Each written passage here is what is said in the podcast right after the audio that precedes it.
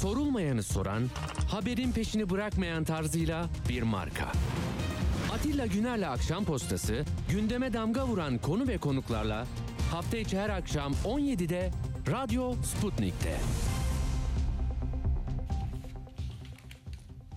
Akşam postasından hepinize iyi akşamlar efendim. 21 Kasım pazartesi akşamı gündemle karşınızdayız. Ne oldu ne bitti. Araya hafta sonu girdi. Hafta sonuna dönecek kadar da zamanımız yok. Burası Türkiye. Her gün yeniden kuruluyor haber masaları. Neden? Çünkü hani 83'te e, ilk sınır ötesi harekatı yapmış Türk Silahlı Kuvvetleri. Yani o günden bugüne düşünün e, 39 senedir e, sınırlarımızın ötesinde bir terör meselesiyle ilgili çözüm arıyoruz. Yurt içinde de aradık, yurt içinde de aradık, yurt içinde de sorunları çözme eğilimleri bir dönem dönem ortaya çıkıyor. Oradan da sonuç alınamayınca mesele sadece uçaklarla, toplarla, roketlerle, füzelerle, sihalarla, İHA'larla halledilecek bir mesele haline geldi. Dolayısıyla bu sadece bir seçimle ilgili olarak görenler de var da yani Türkiye'nin o tarihler arasında gördüğü onca seçim var Ee, ve hepsinde tabii ki ülkeyi yönetenler kendilerine düşen görevi, sorumluluğu yerine getirdiklerini göstermek için e, oralara son derece e, terörle mücadele kapsamında bu şemsiye adı altında çok sayıda operasyon yaptı. Eskiden yani e, 20 ay askere giden gençlerin de olduğu e, operasyonlarda çok e, büyük e, şehitler e, verdik yani çok sayıda. Şimdi yine biliyorsunuz işte Taksim'de bir bomba, bombanın ne olduğunu anlamaya çalışırken ortada uçuşan ifadeler, birbiriyle yakınlaşan ya da birbirleriyle e, örtüşmeyen bütün meseleler bir hazırlık soruşturmasının içinde. Bunu e, ilk gün daha 10. saatte yakalanma başarısını gösterdi emniyet. Ama çok zaman geçmiyor ki bu vatandaş zaten takip ediliyordu. Takip sırasında kaybedildi dedi Tolga Şar'dan. Buna bir yalanlama, bir hiddet, şiddet hani böyle hop ne oluyor denmedi. Ee, kenarda o duruyor. Neyse şimdi o saldırgan da e, neydi? Elbeşir kadının adı 23 yaşında. O da diyor ki benim abim zaten ÖSO'nun önemli birisi. Yani komutanı diyor. Özgür Suriye ordusu. Türkiye'nin eğitip buradan e, kafilelerle önce Amerika ile Amerika Birleşik Devletleri ile birlikte yapıldı. Sonra ayrıldı meseleler. Yani orası şimdi iki ülkenin egemenlik hakları var o toprak parçalarında. Hem Suriye'nin hem Irak'ın. Irak'ın kuzeyi Kürdistan özerk yönetimine ait. Suriye'de yine Kürtler üç parça, dört parça Kürt nüfusu yaşıyor bu coğrafyada. İran ayrı bir e, mesele. Ha, bu arada onu da ayrıntılı vereceğiz. Çok da görmedim ben medyada. İran'da e, Irak Kürdistan bölgesinde Türkiye'nin operasyonlarına benzeyen operasyonlar yapıyor. O da sınırı silahlarla geçiyorsunuz, burada karışıklık yaratıyorsunuz diye e, işte şu andaki e, yetkililere söyledik ama çözmediler. Biz de kendimiz çözüyoruz diyor. Benzer yani düşünebiliyor musunuz? Bir coğrafyada yaşıyorsunuz. E, işte doğunuzdaki İran geliyor bombalıyor. Sonra onun uçakları iniyor. Biraz ileride ki toprak parçasına e, işte şeyden Malatya'dan Diyarbakır'dan kalkan uçaklar geliyor. Onlar bir operasyon yapıyor. Sonuçta herkes huzur, güvenlik, asayiş için bunu yaptığını beyan ediyor. Ama e, yani istiklalle e, ilgili sorular saklı kalmak üzere Türkiye'nin uluslararası anlaşmalara dayanan böyle operasyonları e, hem Bağdat'ta hem de Suriye rejimiyle daha önceden bağıtlanan anlaşmalarla yaptığını biliyoruz. Fakat tabii e, bu mesele çözüme dönük bir mesele gibi görünse de e, tarih bize bunu gösterdi. E, bunca yıldır e, yani son derece acılarla e, can ma yani can canımızı verdik değil mi? Yani şimdi bakıyorum da e, en son şu son 10 sene içinde Şah Fırat operasyonu değil mi? Ee, var. İşte Fırat Kalkanı, İdlib, Zeytin Dalı, Barış Harekatı, Bahar Kalkanı ki onlardan önce de adını e, söyleme e, adını unuttuğumuz ama işte Necdet Uru zamanında tutun işte diğer genelkurmay başkanlarının hepsinin bir e, kara harekatı vardır bölgeye. E, işte yani böyle bir sarmal ki sonra hepsi aynı şeymiş gibi kanıksayarak ve bunu sıradan bir haber öznesi gibi anlatarak e, sizlere ulaştırıyoruz. Sizlerdeki etkisini hani hamasetle yoğrulduğu zaman başka bir şey düşünüyorsunuzdur. Daha soğukkanlı olanlara kızıyor olabilirsiniz. Çünkü ortada 5 yaşında Hasan Karataş var. Yani bir milletvekilinin e, yeğeni. 5 yaşında. Karkamış'ta. İşte bu atışlarda Irak tarafından e, roket atar roketlerle YPG PKK e, bu, bu e, karşıdan da bunları atınca 3 vatandaşımızı kaybettik. Birisi de öğretmen. Nizip'ten kalkıp her gün Karkamış'a gelen hocamız Ayşenur Alkan'ı da kaybettik. Tam da böyle servisten inmiş okuluna gidiyor. Yani ya bu nasıl bir acı ve ne kadar uzun, ne kadar e, bir nihayete ermeyecek gibi görünen bir mesele. Yani bunun bitmesini istemeyenlerin daha önemli olduğunu düşünüyorum ben. Yani bunu bitirmeye dönük dünyanın her yerinde terörü oturarak masada demokratik yollarla onların e, temsiliyetini sağlayarak meseleleri anlaşarak e, so- sonuçlandıran ülkelerin sayısını saymakla bitiremezsiniz. Yani Güney Afrika'dan tut Kolombiya'ya yani dünyanın her yerinde bu yaşanıyor. Şimdi e, böyle. Yani biz size bunların haberini vereceğiz. Neden bunun daha e, daha önceden noktalanamadığını, neden bu meselenin bazı ülkelerin elinde bir enstrüman olarak hala kullanıldığını, bu can kayıplarının niye bitmeyeceğini konuşamıyoruz. Bitmesi gerektiğini. Şimdi e, yine şunu söyleyeceğim. E, Suriye'nin o Kobani bölgesinden yani e, tam da haritada var ama arkadaşlar veriyordur. Görüyorsunuz herhalde oradan. Şimdi e, bir Türkiye'nin yaptığı 3 operasyonla sınırın e, özellikle bu Hatay'dan itibaren Reyhanlı'dan yukarıya doğru gelin Kilis, Azez, Afrin oraları e, hem Fırat Kalkanı hem de Zeytin Dalı'yla e, Türkiye'nin kontrolünde. Orada bir Münbiç var. Münbiç çözümlenmedi. Türkiye orada çok e, talepkar ama hiç kimse Münbiç'teki e, PKK, YPG örgütlenmesini, konumlanmasını sona erdiremedi. İşte Aynel Arap e, dediğimiz Kobani'den atılmış Karkamış'a gelmiş e, bu roket atarlar ve saatlerdir de devam ediyor. Dün e, Kilis'teki Öncü Pınar sınır kapısından atılmış 3 roket yaralı yok. Karkamış'ta 5 roket atılmıştı ilk gece e, dün 12'de gündüz. 3 kişi hayatını kaybetti işte 6 yaralı var. Bu, e, bugün oluyor bunları düzeltiyorum. Dün de Öncü Pınar, Karkamış buralara da e, 8-10 e, roket atılmış. Bir asker 7 polis de yaralıydı zaten. Şimdi burada dediğim gibi isim olarak Niger Tiryakioğlu Anadolu Lisesi'ymiş bu. Ee, Ni- Niger Tiryakioğlu Anadolu Lisesi'nde. Ee, Tam da böyle servisler geliyor. Çocuklar okula girmek üzere. Bir çocuk, bir öğretmen. İşte üç kişi hayatını kaybediyor. Dediğim gibi evindeyken 5 yaşındaki Hasan Karataş ölüyor. Onun annesi Şule Karataş'la 5 aylık hamile e, önce e, ölüm e, kaydı düşülüyor. Sonradan yani yaşatılma mücadelesiyle onu hayata döndürüyorlar. Şimdi entübe durumdaymış. E, kurtarmaya çalışıyorlar hem anneyi hem de evladını. Okullar Karkamış'ta Mahmut Özer söyledi e, tatil edildi.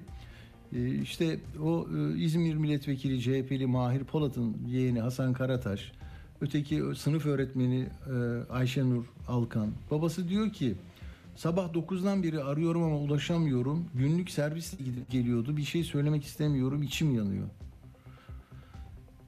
Evet. Ee, şimdi mesela Nu- Numan Kurtulmuş diyor ki bu füzeyi kim verdi? Oradaki terör örgütünün adamları herhangi bir marketten bunu satın almadılar. Bu füzeleri veren devletler, ülkeler ve bir takım çevreler maalesef dünyanın her yerinde bu saldırıları hep desteklediler. Niçin? Nüfuz alanlarını arttıracaklar ve bu bölgede istedikleri şekilde etnik yapıyı, demokratik yapıyı değiştirecekler diyor. Birileri terör gruplarına silahlar verip onlara destekler verip teşvik ederken Türkiye nerede olursa olsun bu terör gruplarının faaliyetlerini sonlandırmak için kararlılıkla yoluna devam ediyor. Evet yani e, yani bilmiyorum ben bu tekrar eden haberlerin kanıksanmasından hiç hoşnut değilim. Belki gi- girişimi böyle yaptığım için yadırgıyor olabilirsiniz ama e, yani hakikaten öyle ya. 41 yıldır okuyorum, yazıyorum, gazetede, dergide, ajansta, televizyonda, radyoda ve onca yıldır bu gidişatla ilgili bütün endişeleri, kaygıları, önerileri, teklifleri, kavgaları yazdığımız gibi umuda yakın noktalarda da durduk. Sonradan yine ateş, yine barut, yine silah, yine harekat, yine masum insanların ölmesi, Türkiye'nin kendi güvenliğini sağlama noktasında kimseden destek görememesi büyük sıkıntı, büyük sıkıntı. Yani hem ülkenin kaynakları e, tükeniyor. Çok büyük kaynak har- harcanıyor buna. E, hani romantik bir adam olduğumu söylemeyin lütfen. E, bütün ülkeler bunu başardı. Yani bizim başarmamamızı isteyenler her neyse e, onlar ellerine avuçlarını e, ovuşturuyorlar şimdi. Çünkü bak bunlar bir böyle atacaklar. Biz onlara silah vereceğiz. Bir o tarafa vereceğiz. Bir bizden bunu isteyecekler. Kaynaklarını da tüketeceğiz. Büyümelerini de engelleyeceğiz. Barışı, bir arada yaşamayı da engelleyeceğiz. İşte orada bizim çizdiğimiz sınırlarla iki bağımsız ülkenin sınırları içinde at koşturacağız. Böyle, böyle, böyle yani statükoyu böyle koymuşlar, böyle gidecek bilmiyorum. Ee, ölenlere Allah rahmet eylesin, ee, yakınlarına başsağlığı. Gerçekten bir öğretmen, bir öğrenci, bir küçücük 5 yaşındaki e, melek gibi bir çocuğu kaybeden e, ülkenin gazetecisi olarak size neyi anlatayım ben yani? Oradan geldi, buradan geldi, haritalar şudur budur, buradan gidiyor. Yani bunları 40 senedir yapıyorum ama çözülemediği için üzülüyorum. Benim de hani ben burada ana haber bülteni sunan e, anchormanlerden değilim ki arka arkaya haberleri söyleyeyim size. Ben de hissiyatımı anlatarak size size bir şeyler aktarıyorum. Yani e, siz istediğiniz gibi düşünün. Bir şey demiyorum. Ee, tabii de- dediğim gibi bu e, Katar'a gitmişti Erdoğan. Oradan dönüşte işte harekatı böyle planladık. Haritanın üstünü mozaikliyorlar, kapatıyorlar, flu oluyor biliyorsunuz. Eskiden onları açık veriyorlardı. E, başlıyor. İşte e, benim orada gördüğüm notlarda Erdoğan'ın uçaktaki konuşmalarını Uğur Koç başladı. Şimdi uzun konuşacağız. E, şunu biliyorum. Kuzey Irak'ta öyle Kürdistan özel yönetiminin olduğu hani Barzani Talebani'nin etkisi olan yerlerde 140 kilometre derinlikte 45 hedef vurulmuş. Suriye'nin de 20 kilometre hani orada çok daha derine inemiyorsun. 44 hedef vurulmuş yani 89 hedef 12'si ilk defa Kobani'de. Yani aynı Arap diyorlar ya.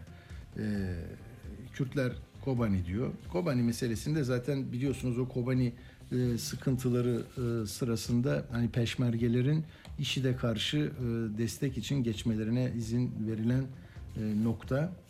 E, şimdi Pençe Kılıç Ha- Hava Harekatı bunun adı devam ediyor. E, daha da devam edecek diyor. Erdoğan kara harekatı da başlayacak diyor. İşte bu noktada ben e, isterseniz e, U- Uğur'u mu alayım? Uğur'u alayım önce. Uğur'la konuşalım. Sonra da diğer meselelere geçeriz. Uğur merhaba, hoş geldin. Merhaba. Tam da bu uçaktaki e, hani ne oluyor da oluyor Türk misilleme, kara harekatı olur mu? Oradan bir girelim istersen.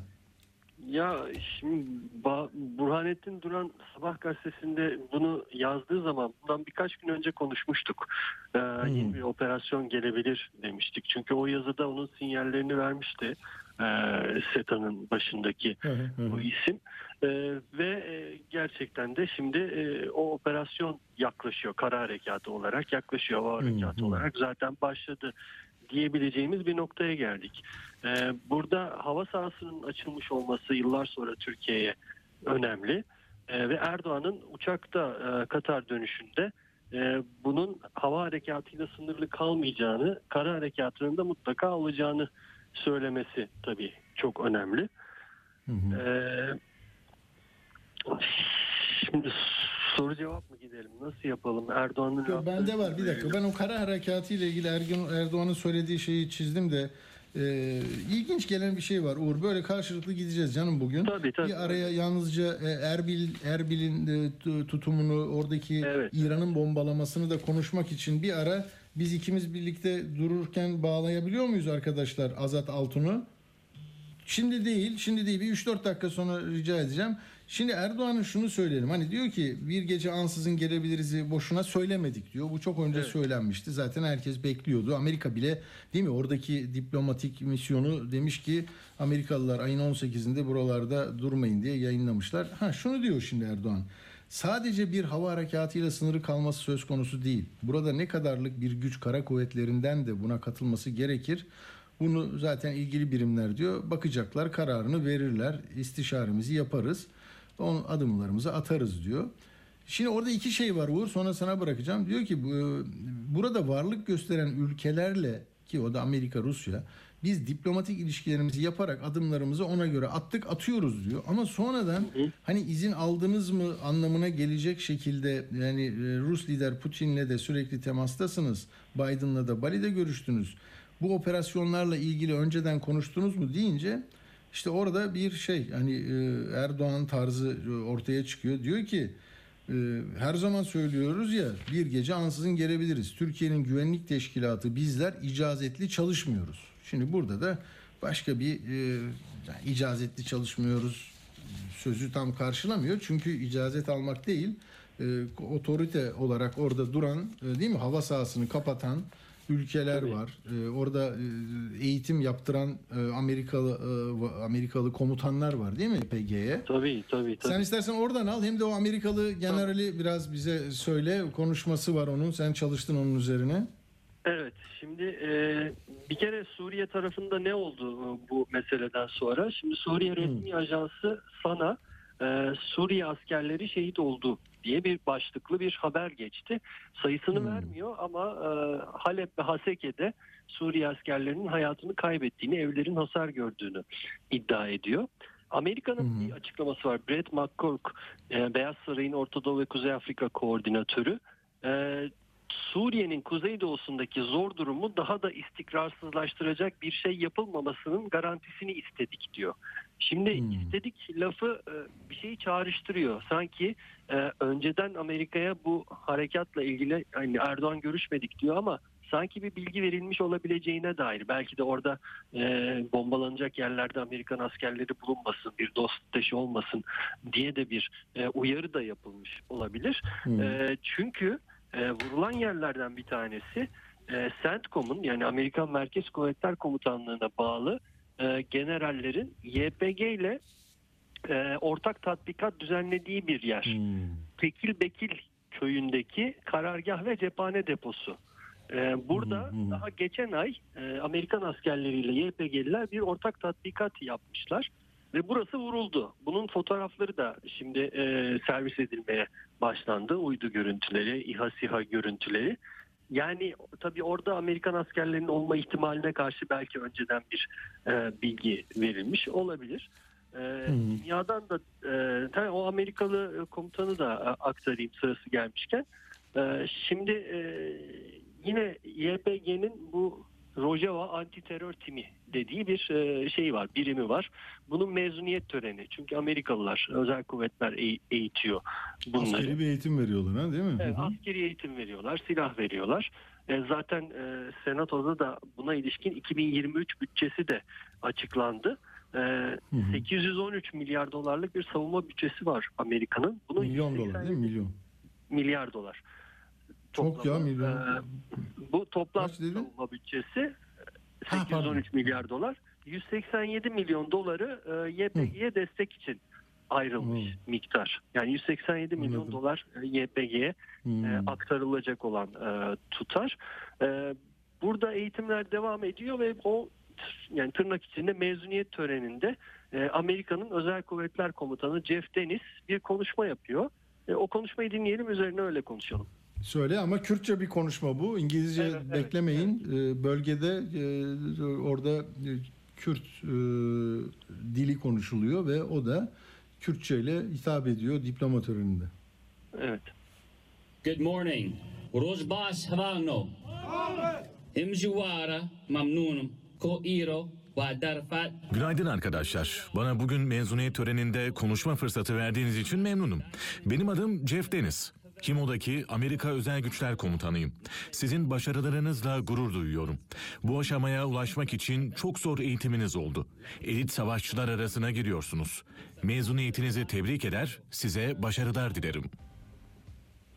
Evet. Evet yani şimdi burada hani Türkiye'nin Amerika Birleşik Devletleri'nin bölgede terörist olarak e, faaliyet yürüttüğünü söyleyen e, bir ülke var. NATO'da müttefiki ve orada e, böyle bir eğitim sonrası onların diliyle konuşuyor. Türkiye işte buna itiraz ediyor ama bir yandan da tamamen itiraz değil bu. Hani ne biz elçileri e, ülkelerine gönderdik, ne ilişkilerimizin bozuk olduğu ülkeler vardı. Hiçbirisinde de hani bir terör örgütü olarak tarif edilen insanlara eğitim veren bir ülke değildi onlar.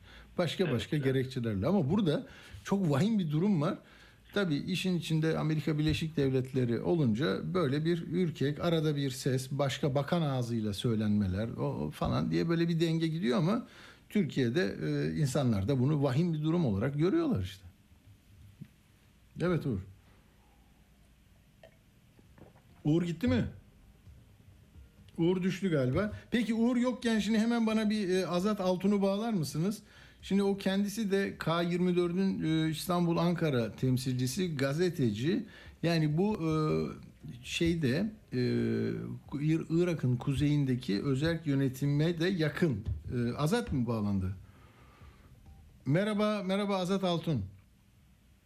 Merhabalar Atilla abi. Merhaba. Şimdi sen oralardan haber alıyorsun. Bize önce e, yani bir 7-8 dakika var ne olur iyi kullanalım. Bir şeyi merak ediyoruz. E, bu operasyonların tabii Irak sınırları içinde olan bölümü var. Erdoğan diyor işte biz e, burada 49 yeri vurduk galiba. Evet 40 45 yeri vurduk Kuzey Irak bölümünde diyor. Bu, bu- buna ilişkin Erbil'den bir açıklama var mı? Oradaki hangi yerlere e, denk geliyor? Sizin orada da çünkü televizyonunuzun yayınları var, e, teşkilatı var. E, sonra da İran'ın da benzer bir operasyonu olduğunu e, biliyoruz. Onu da soracağım size. Peki. Hatta abi epey zamandır pençe harekatı, e, pençe kılıç harekatı başlamıştı zaten. Epeydir devam ediyor. E, Kürdistan e, bölgesinde kapsayan bölgeler. E, özellikle de PKK'nın kamplarının bulunduğu bölgeler bombalanıyor. E, bu bölgeler Haftanin bölgesi yani Türkiye'nin e, Irak sınırı yani Kürdistan bölgesinin aynı zamanda sınırları içerisinde yer alan bölgeler. İşte Hmm. Gari, Sinat, Haftanin, Metina, Avaşin, Zab, e, hatta Hakkuk ve Kandil e, tarafları Hı. e, işte Cumhurbaşkanı Erdoğan da sözünü ettiği bölgeler bu bölgeler aslında. Bu bölge. E, ek olarak tabii Duhok ve Zaho tarafları da e, şu an e, son bir haftadır e, orada da e, var olan PKK kamplarına dönük olarak bazı operasyonların yapıldığı, bazı hava saldırılarının gerçekleştiği bilgileri geldi elimize. Sincar bölgesi yine hakeza bu bölgelerden bir tanesi. Zaman zaman burası da hedef alınıyor. E, tabii bu devam eden aslında bir hareket. Tabii. Bu Erbil yönetimiyle yani orada bir e, bazen e, PKK'nın da e, sorunu oluyor. İşte sen işte Türkiye ile birlikte hareket ediyorsun vesaire gibi ama şu anda mesela somut bir resmi açıklama var mı? Ben oraya odaklandım. Yani Erbil'de Tabii. yönetimin bir mesajı var mı? Erbil yönetiminde bir mesajı var tabii. Yani Kürdistan Bölgesel Yönetimi bu operasyonlardan rahatsız açıkçası. Yani bir Hmm. yandan hem PKK'nın oradaki varlığından rahatsız hem de Türkiye'nin PKK'yi gerekçe yaparak, bahane göstererek buralara hava operasyonları gerçekleştirmesinden rahatsız. Çünkü bu operasyonlarda sivil kayıplar da yaşanıyor. Yani en son birkaç köyde e, yaşanan hava saldırılarında sivil kayıplar verildi Kürdistan bölgesinde. Dolayısıyla orada yaşayan köyler yani Gare, Sina, Taftanin, Metina bölgelerinde yani Dahok, Zahov ve e, özellikle e, bu bölgelerin ve bu bölgelerde yüksek dağlarda e, olan köyler var ve bu köylerde yaşayan e, binlerce e, insan var. Yani köylü var, Hmm. çiftçi var buralarda ve e, bunların çoğu da bu bölgelerden taşınmak ve göç etmek zorunda kaldılar. Şehir merkezlerine indiler. E, çünkü can tehlikesi yaşıyorlar. Yani dolayısıyla Hmm. Erbil bu noktada e, hem e, PKK'ye çağrıda bulunuyor. Bir an önce burayı terk et. E, çünkü seni gerekçe ederek Türkiye burayı bombalıyor. Dolayısıyla e, Kürdistan vatandaşları büyük tehlike altında. Diğer bir yandan da Türkiye bu operasyonları durdurması için e, çağrıda bulunuyor. E, çünkü Anladım. e, dediğim gibi yani e, bu hava saldırılarını e, aynı zamanda e, gayri resmi ve e, yasa dışı olarak görüyor. Çünkü e, Irak e, parlamentosu da böyle bir karar almıştı. Irak e, toprak bütünlüğünün ihlalidir demişti bu saldırılar. Anladım. E, yaşanan bu operasyonlar e, şeklinde bir e, parlamento kararı da var e, bu anlamda. Anladım. Birleşmiş Milletler'e de başvurulmuştu. Hatta bundan iki ay önce bu e, bilgi e, yayılmıştı Atilla abi. Anladım. Peki e, tabii kara harekatı olursa daha başka bir mevzuya girmiş olacağız. O, o da belki e, yani hem e, Kürdistan yönetiminin hem de Bağdat'ın e, çok görmek istemediği bir şey diye e, anlatılıyor. Ona da bakacağız ama şunu merak ediyorum ben Türk basınında çok yer edinmedi. İran'da yine kendisine özgü gerekçelerle yine Irak'ın kuzeyinde bazı bölgeleri vuruyor. Onlar neresi E, ve onun gerekçesi ne? E, Orada da böyle çok gürültü çıkıyor mu? Yani e, ne oluyor? Nereleri hedef alıyor İran? Atilla abi aslında hani buraya geçerken kara harekatı demişken yani şunu da bir belirteyim. Şimdi Irak'a dönük olarak yani Kürdistan bölgesinde herhangi bir kara harekatı için şu anda gündemde olan bir şey yok. Yani ne Evet. E, bölge yönetiminden böyle bir e, açıklama gelmiş durumda ya da buna ilişkin olarak bir e, ifade söz konusu ne de Türkiye'den. Hı hı, hı. E, sadece hava operasyonlarıyla şu anda hava e, özellikle saldırı. Ama Erdoğan uçakta söyledi ya hani genelkurmay gerekli görürse bakarız, istişare ederiz dedi. Olacağını söylemedi ama öyle bir açık kapı bıraktı. Bu Ee, Suriye- Şu anda hı, Suriye için. Evet bu Suriye için. Tabii, tabii. Yani Suriye'nin e, güney için e, özellikle Rojava bölgesi dediğimiz bölge için aslında kara harekatından bahsediyor. Değil mi? Çünkü e, bugün işte Antep'e ve kilise e, atılan Tabii roket atıldı ya. saldırılardan önce bu açıklama geldi. Taksim'deki patlamadan ötürü de şu anda YPG ve PKK suçlanıyor. Dolayısıyla buna ilişkin olarak zaten bir hareket başlatıldı. Zaten uzunca bir zamandır Türkiye'nin e, özellikle e, güney kısmına bir e, yığına vardı, bir hareketliği vardı. Yani bir kara operasyonu için bir hazırlık içerisindeydi. E, Evet. Geçtiğimiz 3 gün içerisinde de zaten Azez'e e, yoğun bir konvoyun e, takviye edildiği bilgileri gelmişti, e, düşmüştü medyaya aynı zamanda ve oradan yerel kaynaklardan edindiğimiz bilgilere göre şu anda Azez'de de e, belli ölçüde konumlanmış bir Türk askeri konvoyu var ve burada oradaki Anladım. işte ÖSO ya da başka e, gruplarla istersen belki daha sonra bu kısma geliriz ama yani orada da bir hareketlilik olacağı söz Var diyorsun. Anladım. Tip endişeler Peki. var yani. Fakat Peki e, Azat şimdi 5 dakika kaldı. Şu İran'ı da bize bir anlatır mısın lütfen? Yani İran Evet. e, İran'a hangi e, yani Türkiye'nin Ankara'nın ortaya koyduğu gerekçeler gibi gerekçesi mi var İran'ın Tahran'ında? Yani buraya teröristler geliyor, ülkemi karıştırıyor, güvenliğim e, zarar görüyor. Nedir? Evet yani buradan da tabii İran'dan da bölgesel yönetim e, çok şikayetçi. Irak hükümeti çok şikayetçi. Parlamento çok şikayetçi. Çünkü son zamanlarda İran hem Irak sınırlarını hem Kürdistan bölgesi sınırlarını bombalıyor. Bunlardan bir tanesi mesela Cajnekan de- denilen bölge. Yani İran hı. sınırına Süleymaniye ile e, Koya yakın bir bölge. E, yaklaşık olarak yani Türkiye'den de e, sınır hattından itibaren hani ifade edecek olursak belki yaklaşık olarak 500 kilometre civarında bir mesafeden bahsediyoruz. Yine Zırgevez denilen bir bölge var. Burada e, Koya ve Pirdi dediğimiz bir e, bölge var. Buralarda İran'ın iddiasına göre e, buralar Süleymaniye, Erbil e, ve Halepçe'ye yakın bölgelerdir. Hani daha rahat anlaşılsın diye ifade ediyorum. Evet tabii. E, bu sözüne ettiğim özellikle bölgeler.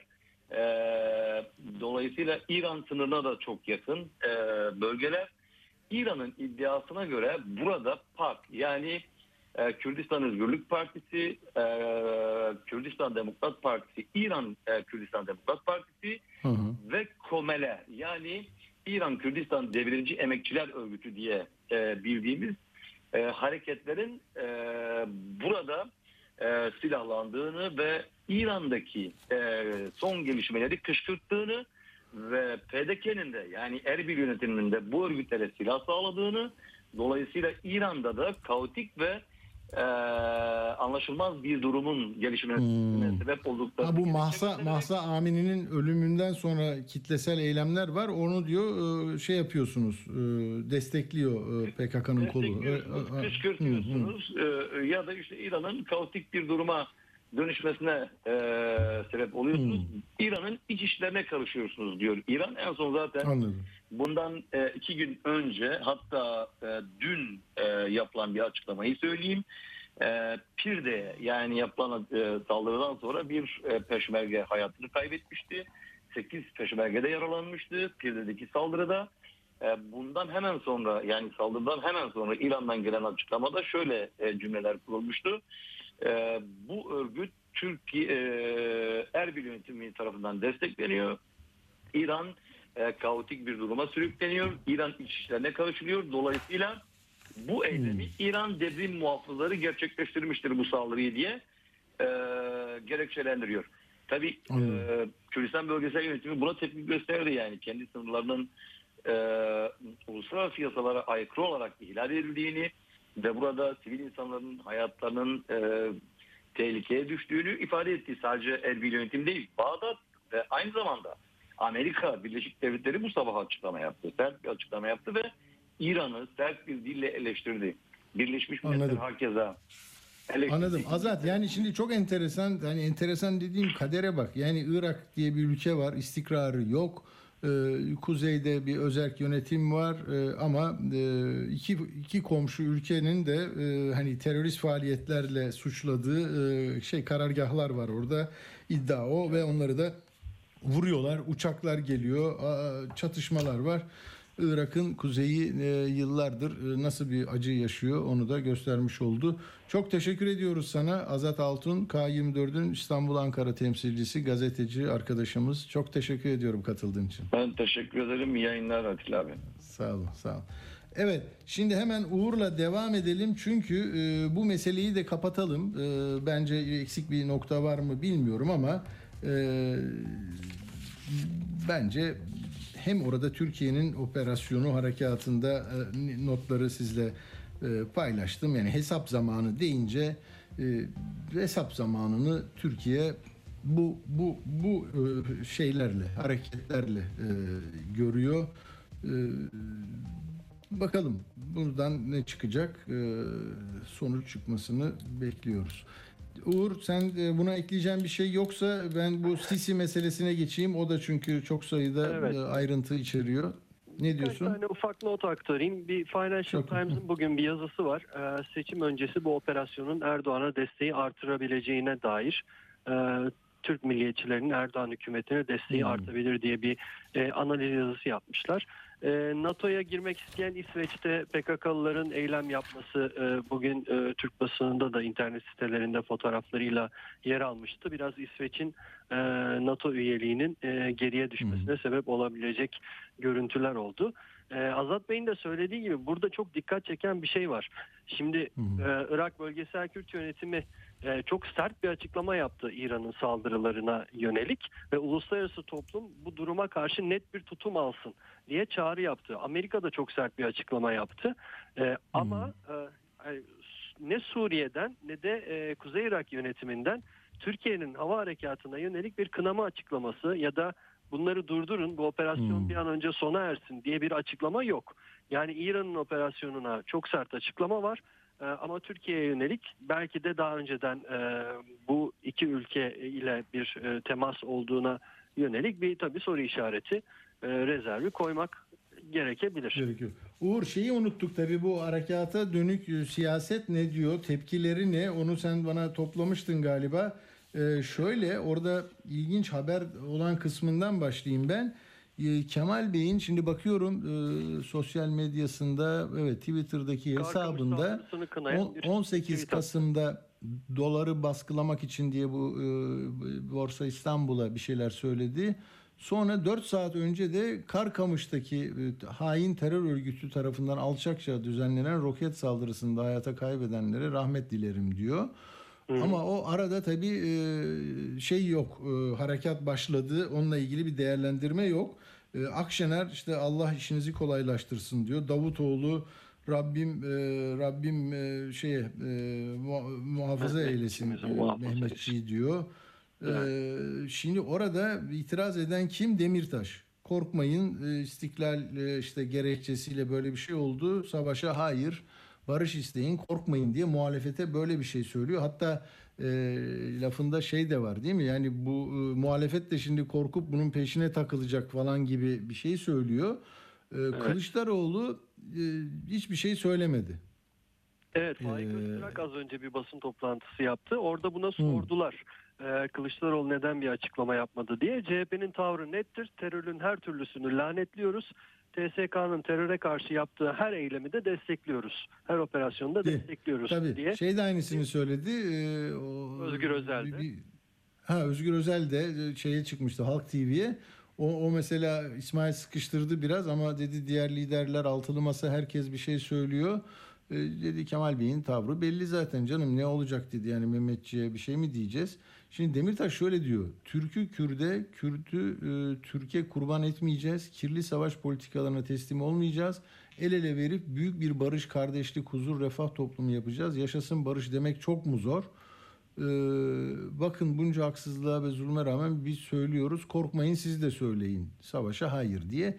Böyle bir şey. Bir de tabii bu EMEP'in işte HDP'nin tipin birlikte olduğu Emek Özgürlük İttifakı onların da e, bu yönde açıklamaları var. Onun onun dışında parlamentoda temsil edilen diğer partilerin hepsinin yani işte e, destekleyen harekatla ilgili e, dualar e, ve e, destek mesajları gördüm ben. Durum böyle. Evet. Yani Evet. bunu da iletelim. Şimdi o zaman bu Sisi meselesine hızlıca geçelim çünkü 42 e, 58'e kadar vaktimiz var Uğur. Şimdi bir fotoğraf var. Bu fotoğraf dün işte Katar'dan geldi. Artık herkes de bildiği için hızlı geçelim onu. E, Dünya Kupası'nın için gidildi. Birlikte oldular. Kaç yıl önce ne olmuştu? Şimdi ne oldu? Değil mi? Yani ben ona baktım. Ya zaten 11 ay kalabilmiş Mursi yani Rabia işaretinin e, Türkiye'ye gelmesine yol açan o Müslüman kardeşlerin Cumhurbaşkanı adayıydı. Cumhurbaşkanı oldu. 11 ay sonra askerler devirdi. Darbecilere karşı Türkiye e, dirençli bir politika uy- uyguladı. 9 yıldır konuşmuyordu. Seçimlere 6 ay kala böyle bir şey oldu değil mi? Şimdi sen tabloyu Evet. doldur bakalım. Şimdi 2013'te tabii Sisi'nin askeri müdahalesiyle e, Mursi devrilmişti. Ondan sonra hapse atıldı. Hapiste de zaten hayatını kaybetti. Müslüman kardeşler e, yani Temmuz'da Mursi devrildi. Aralık'ta Müslüman kardeşler terör örgütü ilan edildi. Ve bütün lider kadrosu cezaevine gönderildi. Hepsine neredeyse müebbet hapis cezası verildi ki bunlar arasında Mahmut İzzet var, e, Muhammed Bedi var. Müslüman kardeşlerin bunlar çok önemli liderleri. Hepsi 80'li yaşlarında e, ve müebbet hapisle halen hapiste bulunuyorlar. E, ki Cumhurbaşkanı Erdoğan daha önceki sözlerinde yani o insanlar hapisteyken benim bu kişiyle bir araya gelmem söz konusu olamaz demişti.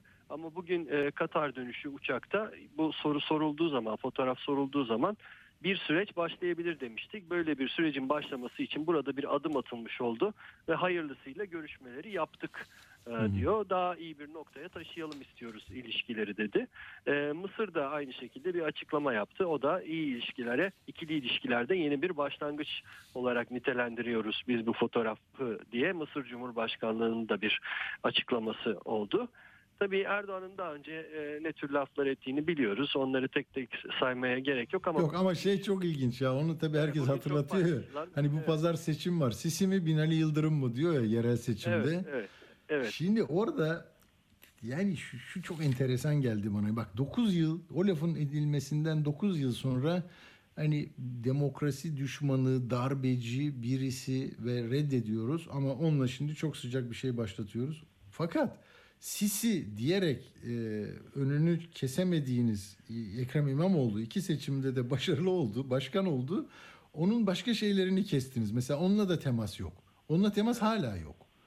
Yani adamın taksi almasından tutun da her şeye itiraz edip parasını ödemeyip e, onu e, yalnızlaştırıp e, iş yapamaz hale getirmek üzere her türlü içerideki sisilerle mücadele bitmeyecek. Bak seçime kadar ve daha sert. Ama dışarıdaki her sisi, her prens, her emir yani Birleşik Arap Emirlikleri'nden Suudiye hani Kaşıkçı'nın katili dediğin öyle. 15 Temmuz'da 256 kişinin katili dediğin orada.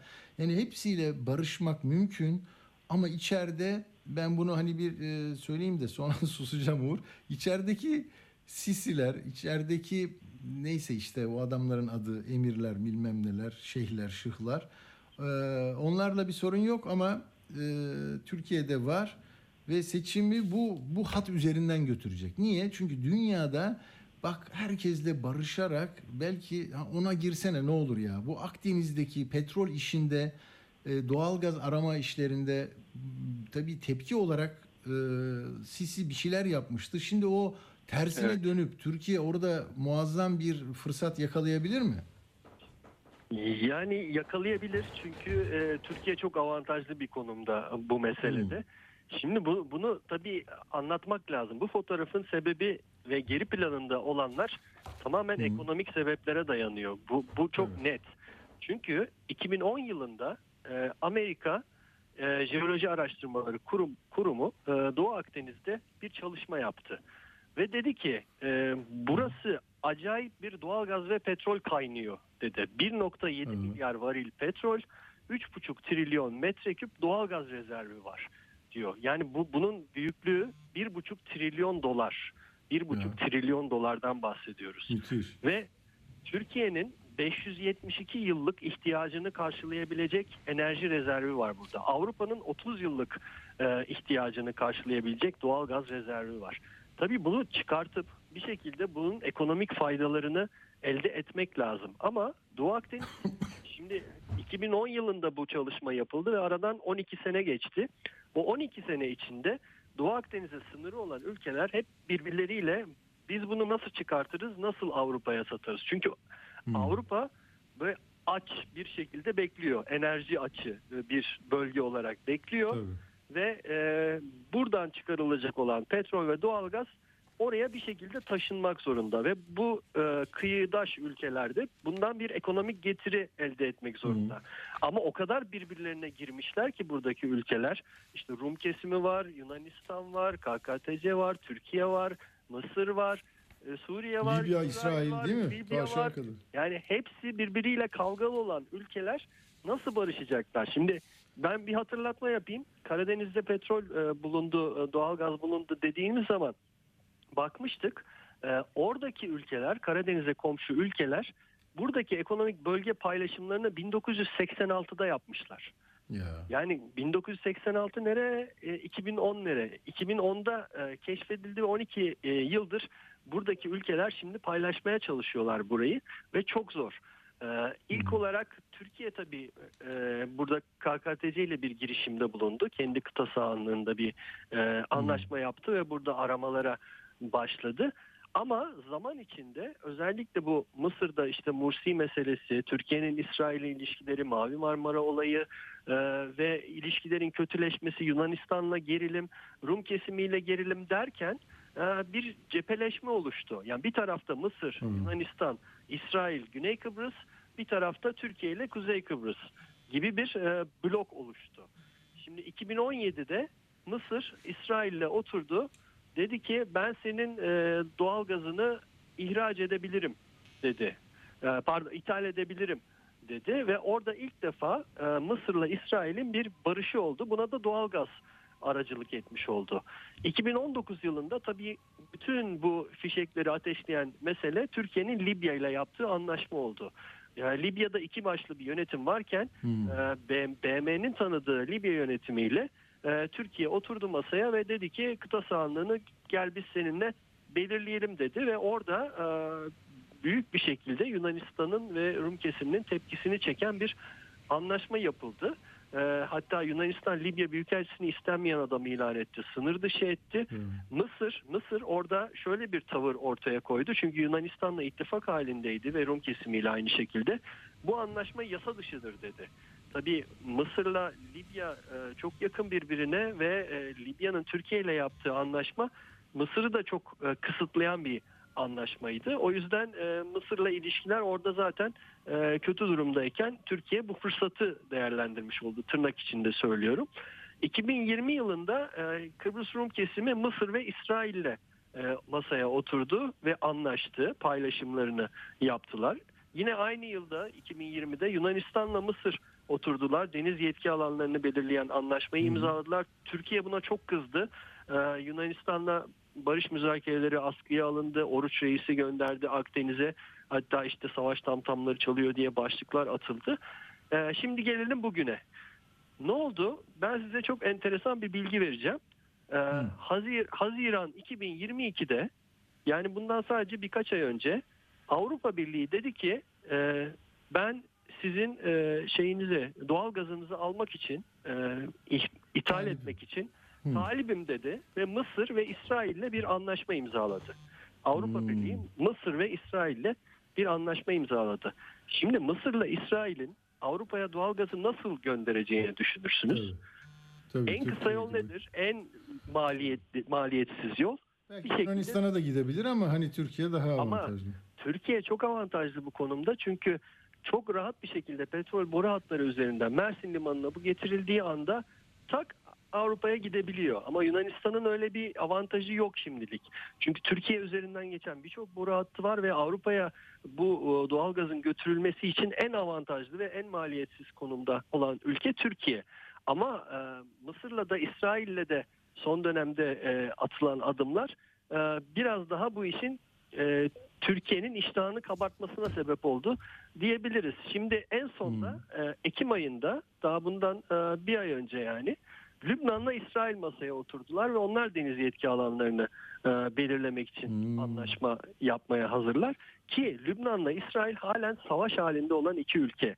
Yani bu ekonomik meselenin Ya. nasıl ülkelerin savaşı e, işte bu meseleleri unutup düşmanlığı unutup da e, ülkeleri nasıl masaya oturttuğunu e, çok rahat bir şekilde görüyoruz. Olacak burada. şey mi ya Uğur? Bak şimdi nasıl zor zor bir tablo.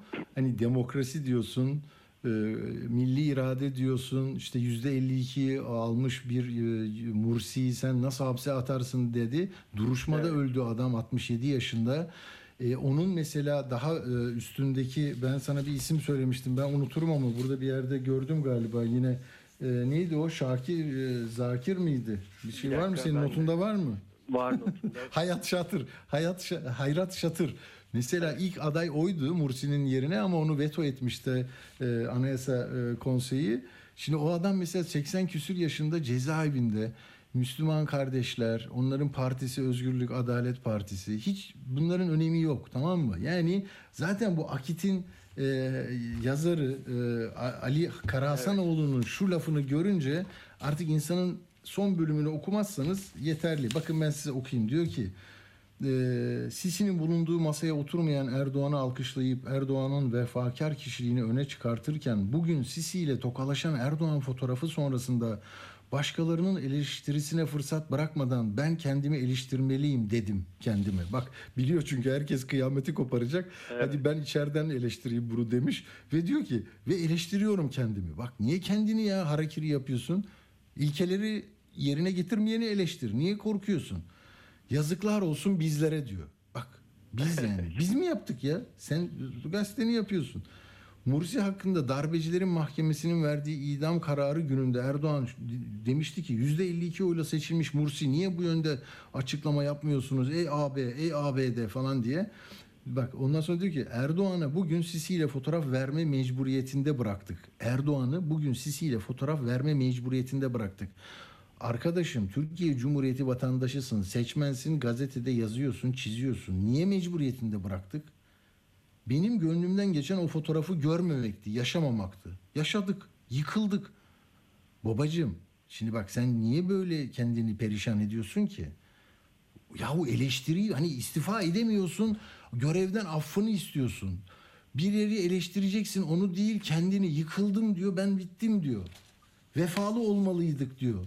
Mursi'ye sonuna kadar vefalı. Yahu, yahu sen değil olmalıydın diyeceksin. Bu yük- bak yüklemler yanlış. Yıktın bizi falan demen lazım değil mi? 9 yıl direnen Erdoğan'a keşke diye başlayan cümlelerle gönül koysak da. Bak gördün mü? Koysak da en son şey diye bitiyor. Ee, yetmez ama evet diyelim diyor. Erdoğan dürüstlükte de, vefada da, ilkellikte de, bak ilkelliklikte de cebinden çıkarır herkesi diyelim noktalayalım. Abi başından beri ilkelerin nasıl çiğnendiğini anlatıyorsun. Ben yıkıldım, bittik, ne yaptık? Biz nasıl böyle Müslüman kardeşlerin orada asılmasına 4000 kişinin e, şeyde meydanda e, değil mi? Meydanda öldürdüler ya. Ma- mahvettiler. Darbeci yani Buranın Kenan Evren'ini de sözde ceza verilecekti. Hapis falan yatmadı ya. Orada yattı adam. Adamın şeyini aldılar ya. Ne dedi bizim e, İzmir'deki avukatın ismi ne? İzmir'de benim abimiz yok mu ya? Ha, dava açtı ya. Kenan Evren'in rütbelerini alın, evlerini alın bu darbecinin dedi. Semih Mahkeme kabul etmedi, reddetti. Seni abi. Seni Özay ya, seni Özay abi ya. Kulakları çınlasın. Yani şunu diyorum. Bak para mı var? Doğalgaz mı var? Altın mı var? Gelir mi var? Rant mı var? O zaman şey yapacağız mı yani? Değiştireceğiz mi durumumuzu? Abi bugün öyle yaparsan milli irade nedeniyle senin bu hassasiyetin bazı yerde çalışıyor, bazı yerde tutukluk yapıyor. Yani otosanayiye götür o zaman. Nasıl yani? Nasıl çalışıyor bu? Bir şey olmuş. Bir ara kabloda bir bağlantı eksikliği var. Bir şey var yani. Yani bir şey görünce böyle petrolü, parayı falan görünce bir şey oluyor yani. Çalışmıyor, sistem çalışmıyor. O laflar nereye gidecek şimdi? E zaten bak Numan Kurtulmuş çok ağır laflar edip değil mi? Siz Harun oldunuz, bilmem ne oldunuz dedi. Has Parti'yi kurdu. Gel buraya dedi, aldı. E, Soylu, Soylu Doğru Yol Partisi miydi o? Demokrat Parti miydi? Neydi? O da bağırıyordu. Seni yakacağız, edeceğiz, hesap soracağız. Gel buraya dedi. Onu da aldı. Bahçeli senden Cumhurbaşkanı da olmaz. Hiçbir şey olmaz senden dedi. Gel seninle de ittifak yapalım dedi. Bak şimdi Saadet'le İyi Parti'yi de çağır- çağırıyor. Yani sonunda bak Babacan'ı da çağırabilir ha. Yani en son gel ya ekonomiyi beraber yapalım. Çünkü mesele şuna döndü tamam mı? Bu kadar ilkeli liderlikten geriye ne kaldı? 21. yılımda beni götürmeyin buradan. Bak içeride sıkıntım var. Enflasyonu konuşamıyoruz. Merkez Bankası'nın eksi 55-56 milyar dolarını konuşamıyoruz. Çünkü uçakta sormuşlar. Ya onu da söyleyeyim Uğur bırak ben şimdi gazı aldım gidiyorum. Bana müsaade eder misin dendi. Hayır çok güzel. Diyor ki ya şöyle dedi baksanıza. Ee, dur ya. Ha şimdi dur dur terör çok çok güzel ya. İki dakika var tam bunu bitireceğiz de. Ee, ya ekonomiye ekonomiye dair ha diyor ki bak çok güzel ya. Cumhurbaşkanı Recep Tayyip Erdoğan bak dirayetli yani sağlam irade tamam mı? Diyor ki Peki şimdi sorunları şöyle bir gözden geçirin. Eskiden terör diye bir şey vardı diyor. Biz terörle mücadeleyi yeni başlatmadık. Terörün durumu neydi diyor. Yıllar öncesinde terörün durumu neydi? Sorunlarda listenin başında terör vardı değil mi? Evet. Peki şimdi sorunları şöyle bir gözden geçirdiğiniz zaman terör hangi sırada? Şimdi aşağılara indi. Tabii orada neyi söylemesi lazım gazetecinin ama şimdi de ekonomi geldi efendim yüzde 85 enflasyon var. Bak tarım tarım şeyi açıklanmış yüzde 138. G- tarımsal girdi endeksi yüzde 138. Bu sonra raflara girecek. Bak diyor ki şimdi dedi ya şimdi aşağılara indi diyor. E, Kendisi soruyor tabii gazeteci yok ya karşıda soracak. Peki ekonomide durum ne? Buyurun. İşte en son Merkez Bankası'nın döviz rezervi 123 milyar dolara ulaştı. Bu ay sonuna kadar 160, 130 olacak. Ya eksi o ya. El alemin hani swapları var ya. Şimdi hesap kitap böyle oluyor. Ben e, buradan hani maddi bir şey kendinize almıyor olabilirsiniz. Ülkenize iktidarın sürdürülmesine yarar vesaire ama yani nasıl bu huzurlu bir uyku uyu- uyutuyor insana onu da bilmiyorum. Benim sürem ne kadar kaldı hemen durdurmam lazım. 20 saniye varmış. Uğur sana çok teşekkür ediyoruz. Ben Çünkü teşekkür buradan yeni bir konuğa gideceğiz. Bir aramız var. Var mı diyeceğim bir şey? Yok. Yok ya Yok de. yok. Yok de tamam yok de. hadi, hadi çok teşekkür ederiz. İyi akşamlar sağ olasın.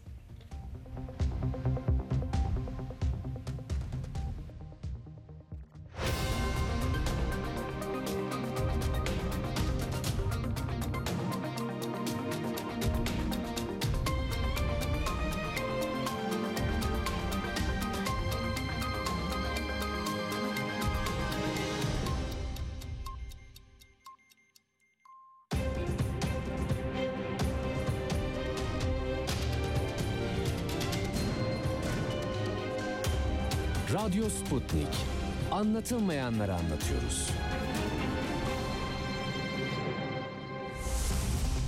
Radyo haberciliğinde bir klasik. Sorulmayanı soran, haberin peşini bırakmayan tarzıyla bir marka. Atilla Güner'le Akşam Postası, gündeme damga vuran konu ve konuklarla hafta içi her akşam 17'de Radyo Sputnik'te.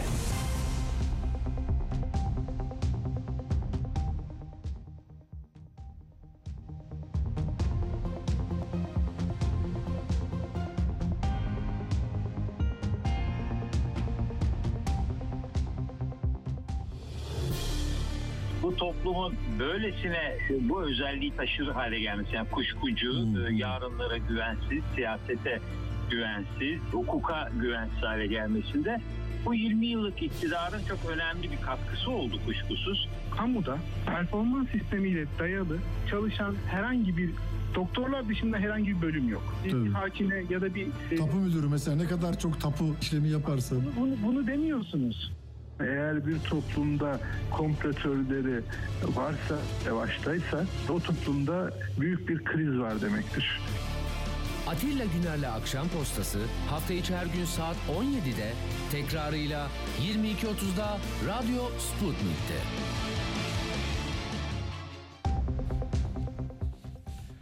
Evet efendim şimdi tarımsal girdi enflasyonu yüzde 138 bugün TÜİK'ten yapıldı bu e, açıklama.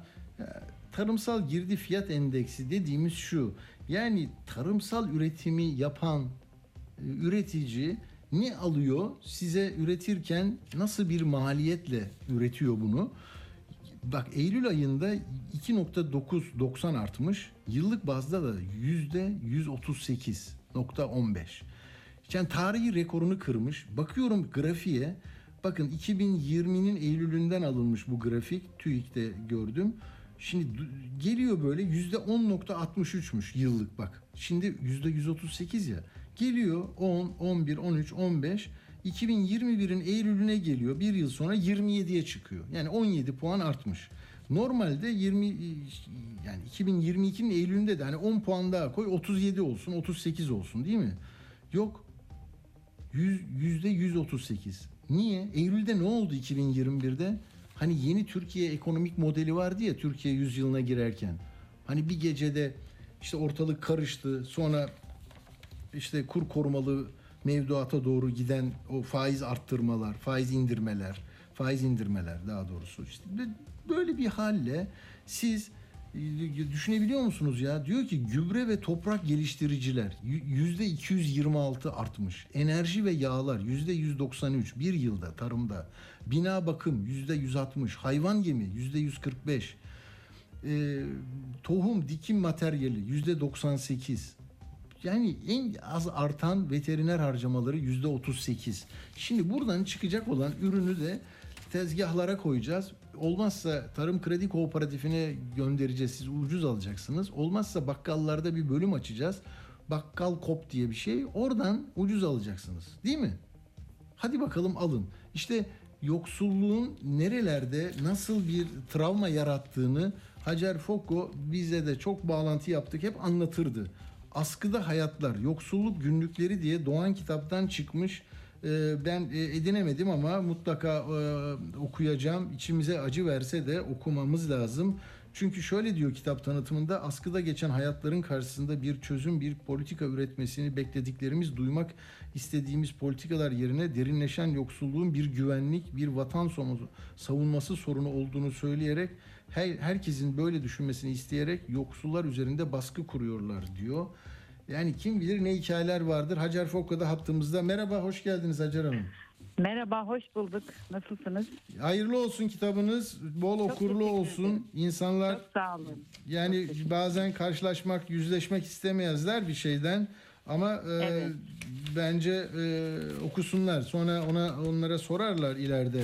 Sen o tarihsel süreçte ne kadarını biliyordun? Ne yaptın bunu düzeltilmesi için diye tarihe bir not oldu. Ne var e, Hacer Hanım bunun içinde? Yani şu var aslında e, benim 20 yıl, 15 yıl Ya. üzerindeki gün yani o mahallelerdeki işte e, kentsel dönüşümde yerinden edilenlerde çocukların o mahallelerde oradan oraya geçmesiyle okulu terk etmeleriyle anne babalarından aldıkları yoksulluk mirası büyüdükleri zaman yani benim 7 yaşında tanıdığım çocuğum bugün Hmm. 20-25 yaşında ama aynı mesleği alması, okul terk etmesi, okul devamsızlığı e, ve yoksulluğu miras alması, pandemi sonrası büyüyen, işte derinleşen kriz ve aslında o yoksulluğun, yoksul mahallelerin, yoksul çocukların Hı. e, nasıl görünür olmadığı, Örneklerle mi bunlar? Mesela böyle yani ismi yazılı olmayan hani ismi saklı da ama hikayesi de var mı? Hani o direnme noktaları,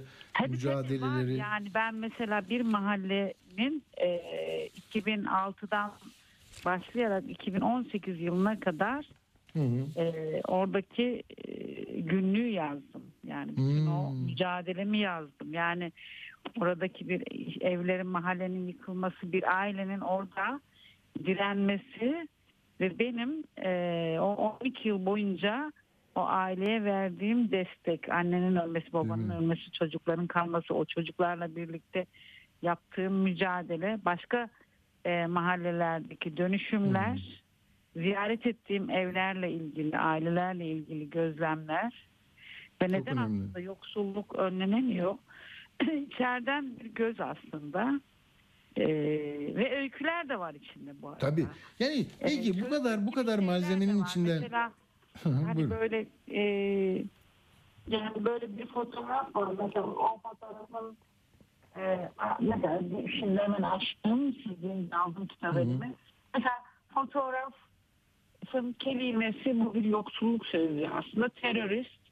Mesela altta diyor ki bizi terörist ilan ettiler. Oysa biz kentsel dönüşme evet diyoruz. Ransal dönüşme hayır diyoruz diyor. Mesela bu Tokatköy'den bir söz. Yani hı. e, size göre terörist demek yani evini savunan bir insan da terörist olabilir aslında. Tabii, Ya da mesela tabii. açlık diye bir sözcük e, kelime abla biz durabiliriz ama bebeğim açlıktan duramıyor. Ne zaman gönderirsiniz? Onun için açlık bu yani. Hani ben Peki yardımlaşmayla mı? Peki bir verili durum çok kötü ol- olan mahalleler var. En alttakiler daha da acı çekiyorlar. Ee, Evet. Çare üretmede yani onlara bir el mi ulaşıyor? Yardımlaşma nasıl cereyan ediyor? Komşu komşudan bir şey istiyor mu? Siz bir şey söylemiştiniz. Ben Yani, çok etkilendim ondan. Hani Evet. komşumdan istemiyorum. Belki o mahcup olur. Çünkü verecek pirinci de yoktur. Onun için istemiyorum. Değil mi? Böyle bir şey anlatmıştınız yani. Evet bize. evet yani ben hani uzun dönem hani bu kitapta da ben size göndereceğim bu arada. Tamam. Ee, bu Tamam. kitapta da görürsünüz. Hani eskiden bir dayanışma var. Yani dayanışma kimse kimse aç kalmıyordu. En Tabii, yoksul tabii. ailelerde bile bulgur yoksa diğeri yağını verirdi falan filan. Ama gerçekten şu anda yok. Yok yani. Hmm. Ee, ve herkes artık kendine dönüp kendi için, kendi çocuğu için mücadele Hmm. etmeye başladı. Ya da şöyle şeyler oluyor işte geçen gün de anlattım. Şimdi bir okulun önünde işte aileler çocuklarına beslenme işte götüremeyen aileler Evet. artık bir araya gelip işte diyorlar ki fıstık, ceviz, e, muz koymama kararı alıyorlar aile. Bu Ha, aileler çocuklar görmesin değil mi? Başkaları görüyor. yoksul, hepsi de yoksul aileler aslında. Hmm. Diyor ki hani sen bazen alıyorsun muz ama benim oğlanın gözü kalıyor. Ya. Şimdi böyle şeyler çoğalınca aileler hepsi yoksul diyorlar ki o zaman sadece şunu koyalım. Ee, Ne daha böyle daha yani erişilebilir bir şey değil mi Evet, oradaki mu? Evet Hmm. düşünün yani o muz alan aile de zaten hani alabilirsin diyelim ki işte pazardan aldığı zaman. Ama bütün bunların hepsi gerçek. Mesela işte bir çocuk e, daha önce yani o beni çok etkilemişti yine aynı mahallede. Yani arkadaşının beslenmesini almak için bir en sevdiği tokasıyla değiştirmek istiyor şeyi Vah vah. e, arkadaş. Ya durum bu yani. Bunların hepsi gerçek ve bunu Özgür Bey bugün bir şey anlattı ya. İsmail'e Evet. konuktu. O da sizden bir alıntı yaptı. Duydunuz mu? Evet evet. Çocuk sonra bezini tek tek alıyorlar dedi. E, Alamayanlar ne yapıyor? tek Ne- tek ne- alıyorlar. Benim o dönemde Özgür Bey o dönemde anlattı. O şu anda o yani bu mahallelerdeki bakkallar da artık veresiye veremeyecek duruma geldiler gerçekten. Yani o tek tek alma durumu bile güçleşmeye başladı. Çünkü Peki. evet. Buyurun. Buyurun buyurun. Tamamlayın. Yok yok yani bakkallar da hani kapanmak üzere neredeyse. Yani Doğru. o veresiye olmuyor. şey de eskisi gibi değil maalesef. Onu söyleyeyim. Peki şeyi soracağım. Hani hane halkı, hane gelirini e, oluşturacak e, insan e, emeğine e, sahipse bir iş bulamıyorsa da yani belki Şöyle- böyle merdiven altı üretimler ya da bir iş Tabii, tabii. portacılık Yani- na- nasıl yani, Yani tırnaklarını dediğim- hayata nasıl geçiriyorlar? Yani şöyle bütün şimdi bütün bu dediğim ailelerin hepsi oturmuyor zaten. Sadece Tabii ki. sosyal Öyle zannederler diye ben bunu özellikle işte istedim. Gündelikçi kadın işte gündelikçilik yapıyor, öbürü kağıt topluyor, tekstil atölyelerinde çalışıyorlar. İşte e, müzisyenlik yapanlar var, işte Hı hı. lokantalarda çalışanlar var falan.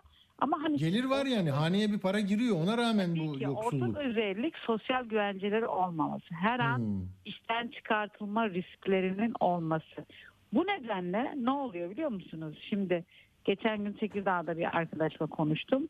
Özellikle bu mahallelerde, yoksul mahallelerde e, bu gerçi bakanlık da itiraf. itiraf değil de onlar mutlu bu şeyden. Mesela 1 milyona yakın çocuk mesleki eğitim merkezlerine gidiyor. Ortaokulu bıraktıktan sonra artık liseye devam eden e, çocuk sayısı azalmaya başladı. Şimdi Hmm. geç e, bu- yani meslek eğitim merkezleri de şö- şöyle niye gönderiyorlar aileler? Çünkü çocuklar orada para kazanıyor.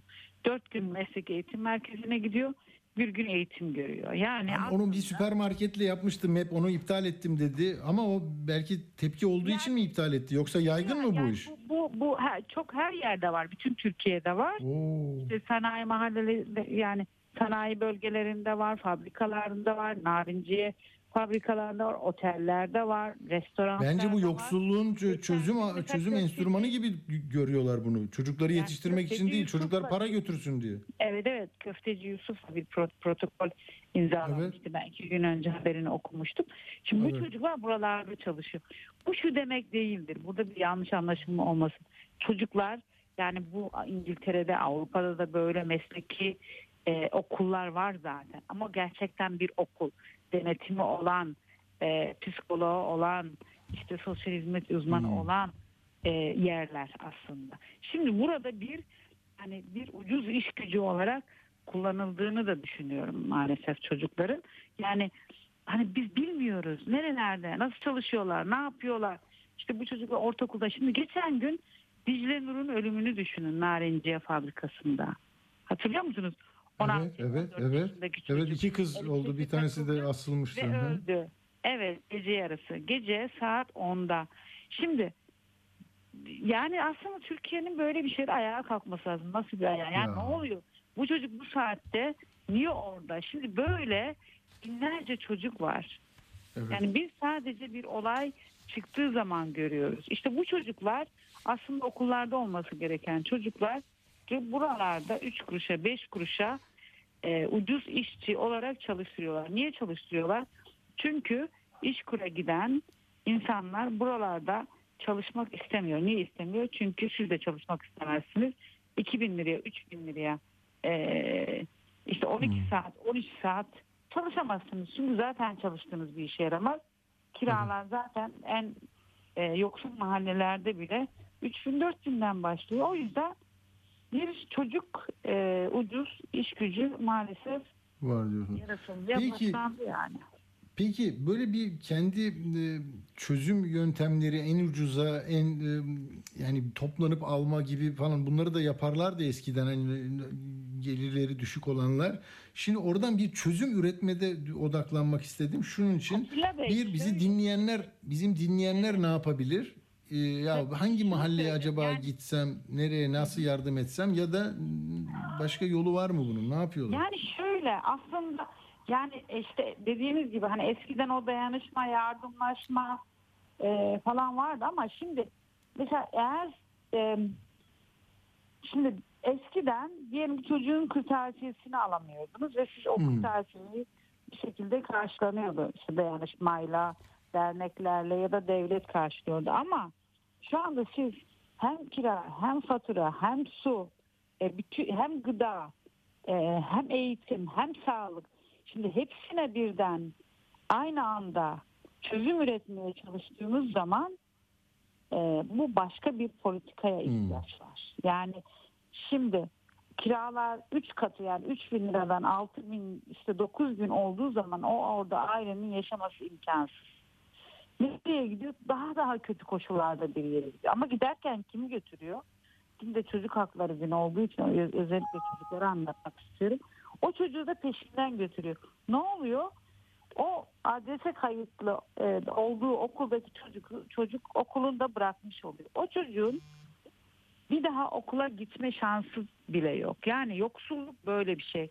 İşte eğitimi de, sağlığı da hepsi aslında iç içe bütüncül bir Evet. politikayla çözmek zorundayız. Yani Ama ama mesela A partisi B partisi gelse de hakikaten işi çok zor. Yani kiraları nasıl indireceksiniz? Çok zor. O elektriği, enerjiyi Sağlık Başka bir- Bakanlığı'nın sunduğu şimdi şu anda okullarda ücretsiz beslenme programını başlatması gerekir. Yani e, yani ben sürekli böyle bakanlığa sesleniyorum zaten. Yani evet. e, hemen şimdi buna çözüm bulması gerekiyor. Yani şimdi Hacettepe Üniversitesi 2023 yılında yeniden bir e, araştırma ortaya koyduğu zaman o bodurluk orala- oranlarının iki katı arttığını göreceğiz. Yetersiz beslenme nedeniyle. Ama yetersiz beslenme aynı zamanda öğrenme güçlüğü demektir. Bu çocukların hemen hemen hepsinde öğrenme güçlüğü raporları var. Yani bunun da nedeni yetersiz beslenme. Siz şimdi okullarda beslenme programını koymazsanız çocuk zaten evde doğru düz bir şey yemiyor. Yani önümüzdeki 10 yılda bambaşka bir gençlikle biz karşı karşıya geleceğiz. Bu kadar Çok şey önemli yok. Yoksa işte CHP iktidara gelsin ve hemen beslenme programlarını koysun değil. Geç şimdi hemen yapmalılar. Yani bunun bunun partisi olamaz ki ya çocuk işte yani aç açım diyor yani. Ee, öyle değil doğru. mi? Doğru, doğru. Ee, yani e, insanların e, onlara dönük yani, Yani tabii şöyle, bataklığı şimdi- kurutmadan ama oraya gidip bir gıda yardımı yapmak da bir şey değil bence yani değil mi? Evet. Onları yoksulluğa değil mi? Siz nasıl yorumluyorsunuz onu? Hani yardımlarla ayakta durmak iyi bir şey mi? Yani Bey- Beylikdüzü Belediyesi e, bir devlet okulunda beslenme programını başlattı. Nasıl başlattı? Yani bunun için mesela milli eğitimde protokol yapmanız gerekiyor falan. Ama öyle olmadığı için mahallede bunun dağıtımını yapıyor belediye. Ya da işte Mersin Belediyesi üniversiteli öğrencilere ücretsiz çorba yapıyor. Mesela böyle çok güzel örnek projeler var aslında Hmm. e, bu ailelere yönelik. İşte e, Anladım. Ama yani bu sorunu yani yine palyatif şeyler değil mi? O günü kurtarmaya dönük sonra daha derin politikalar her zaman Tabii e, ki ama bu demek değildir biz dayanışmadan vazgeçeceğiz. Değil Yani tabii. bu şu, şu yani biz yani hani biz elimizden gelen her şeyi yapacağız yani gördüğümüz tabii. e, yapabileceğimiz her şeyi yapacağız. Mesela işte kız çocukları liseye, ortaokula giden kız çocukları pediye erişemiyordu bir okulda. Ben e, askıda PET'teki arkadaşlarla görüşüp o okuldaki öğretmenle hani onları tanıştırdım. Oraya TED göndermeye mesela başladılar. Hmm. Çünkü utanç verici bir şey yani. Hani oralarda da ücretsiz aslında e, bulun- bulundurması gerekiyor. Hani bu yüzden hani dayanışmayı yaygınlaştırmamız gerekiyor. Yani bir çocuğun okula devam etmesi için özellikle Yani belki sizin ayda vereceğiniz o 150 liralık bu- burs o çocuğun babasından yoksulluğu devre Hmm. almamasına neden olacak. Sizin için küçük bir para ol- olabilir Tabii ama tabii.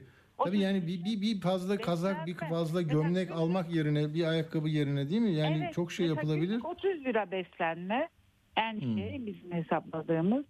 Bu ne yapıyor işte 150 lira haftalık. İşte 600 lira belki işte o çocuğun beslenmesi. Hmm. Ama aynı zamanda okula devam etmesi için de bir neden yani. Bazen gitmiyor çocuklar sırf bu nedenle. Yani orada ya geçen gün ben Tekirdağ'dan bir arkadaşımla konuştum. Çocuklar 8'de okulda oluyorlar. Sabah kahvaltı yapmıyorlar. Öğleyin çıkıyorlar. Anneleri 5-6 lira para vermişse her gün orada bir çiğ köfteciden çiğ köfte alarak haftada 5 gün onu yiyerek şey devam ediyorlar yani işte kantinde de pahalı olduğu için tostlar falan. Peki o dediğiniz hani çocuklara ulaşacak pa- parayı, yardımı hangi kanalları öneriyorsunuz siz? Yani şöyle zaten- yoksulluğu mu? Yani derin yoksulluk ağı var, başka dernekler var ama ben yani şunu sö- hep söylüyorum ya size de söyledim. Gerçekten bir insan gerçekten dayanışma yapmak isterse gerçekten Hı. bunu kendisine dert edindiği zaman görüyor yani. Ee, bir devlet okuluna gidip bir e, oradaki rehber öğretmenle konuşsa, müdürle konuşsa, e, yoksul bir mahalledeki devlet okulunda Hı hı. bir muhtarla konuşsa bu mahalledeki en yoksul insan kimdir diye ya da zaten hani kendi arkadaşına kendi çevresine sorduğu zaman mutlaka biri diyecek. Üniversite Mutlaka. öğrencileri mesela. Üniversite öğrencileri yani gerçekten yani özel memleketten falan para gönder gönderilmiyor yani çocuklar aç. İşte baksana o bilet alamıyorlar ya memleketlerine dönmek Evet. için devlet dedi bir bir yönü vereceğim. Ee, ben mesela çok böyle eşleştirdiğim e, şey- şeyler var çocuk. Tıp öğrencisi yani. Diş hekimliğini mesela kazanmış çocuk. Yani işte burs bulunmasa gidemiyordu yazık değil mi bu çocuklara Vanlı? Yazık. iki tane çocuk mesela işte bir şekilde e, iki aile onlara destek vermeye karar verdi. Yani böyle çok çocuk var. Çok özellikle üniversite öğrencilerine e, burs versinler. Yani ne kadar bütçeleri varsa arkadaşlar. Doğru. Çevremize sorsak hemen buluruz zaten. Hakikaten Çok. öyle. Var. Çok. Var. Yani bana Peki. da ulaşabilirler bir şekilde sosyal medyadan. E, üniversite öğrencileriyle ben onları e, bir şekilde tanıştırırım yani. Peki. Ee, Hacer Hanım çok teşekkür ediyoruz. Ben Hacer teşekkür Fogo'nun kitabı da tekrar adını söyleyeyim. Askıda e, değil mi? Askıda Evet, Hayatlar. Günlükleri, Yoksulluk günlükleri hayatlar. diyor. Doğan kitap. Doğan kitaptan çıktı. Evet. Peki e, okuru bol olsun. Daha anlamamıza katkısı olsun Türkiye'yi. Tamam. Çok teşekkür ediyoruz katıldığınız Ben için. teşekkür ederim. Hoşçakalın. Hoşçakalın. Evet bir son notla bitireyim. Bu Erdoğan'ın uçağında hani e, gazeteci e, kimlikli arkadaşlar var. Onların bir sorusu var. Onu söyleyeceğim şimdi size. Diyor ki vatandaşın fırsatçı terörü dediği bir konu var efendim. Özellikle son 3 aydır maliyetlerde bir artış yok. Ama marketlerde %30'a varan şey var, artış var. Vatandaş diyor ki, vatandaş şunu söylüyor. Bunlara sadece para cezası yetmiyor. Çünkü bunlar para cezasını maliyetlerin üzerine koyuyorlar marketler. Aynı şekilde yollarına devam ediyorlar. Artık daha sert, sert tedbirler gelir mi? Yani iki şey var burada. Yani bak fırsatçı terörü diye yine nasıl mesela Sisi ile birlikte e, fotoğraf verildiğinde eleştiri oklarını bu si- sistemin işleyişine, bu, bu beraberliği ve 9 yıllık süreci sorgulayıp bir sonuca varamıyor arkadaş bir an önce okudum. Ee, kendisi yıkıldım, bittim, kurtaramadık diyor. Şimdi burada da fırsatçı terörü diye bir şey. Enflasyonu konuşamıyor, yüzde 85'i konuşamıyor. Yani market, mahalledeki marketi konuşuyor, konuşmamızı istiyor ve para cezası verdiniz 60 milyon verdiler ya. Bir de 3 milyar 4 milyar da o büyüklere verdiler 3 harflere. Bu yetmez diyor. Bunlara bir şey asın diyecek ya adam. Yani sallandır 3 tane adamı bak. Marketin önünde 3 tane market genel müdürünü, satın alma müdürünü as bak geçecek diyor adam. Öyle yani ben öyle anladım. Erdoğan da Allah'tan bir, diyor ki benden çok heyecanlanma. Bir biz hukuk devletiyiz diyor. Soruşturmalar neticesinde gerekli adımları attık atarız diyor. Ama diyor ki tamam para cezası demek ki bunları ıslah etmiyor. Diğer atılacak adımları da ilk kabine toplantımızda inşallah masaya yatırırız. Bunların üzerine ayrıca gideriz. Ya görüyor musunuz? Yani enflasyonu önleyecek bir derli toplu, kendi içinde bütünlüğü olan, yapısal değişimi, dönüşümü de içeren bir şey yapamıyoruz ve enflasyonu işte yahu tarımsal girdileri yüzde 138 artıran Türkiye markette bir şey var düzeltin bunu para da kesseniz yet yapıyorlar zam yapıyorlar. Ya kardeşim bak TÜİK diyor ki yüzde 138 sen domatesi nasıl 4 liraya alırsın? Tabii 22 liraya alacaksın.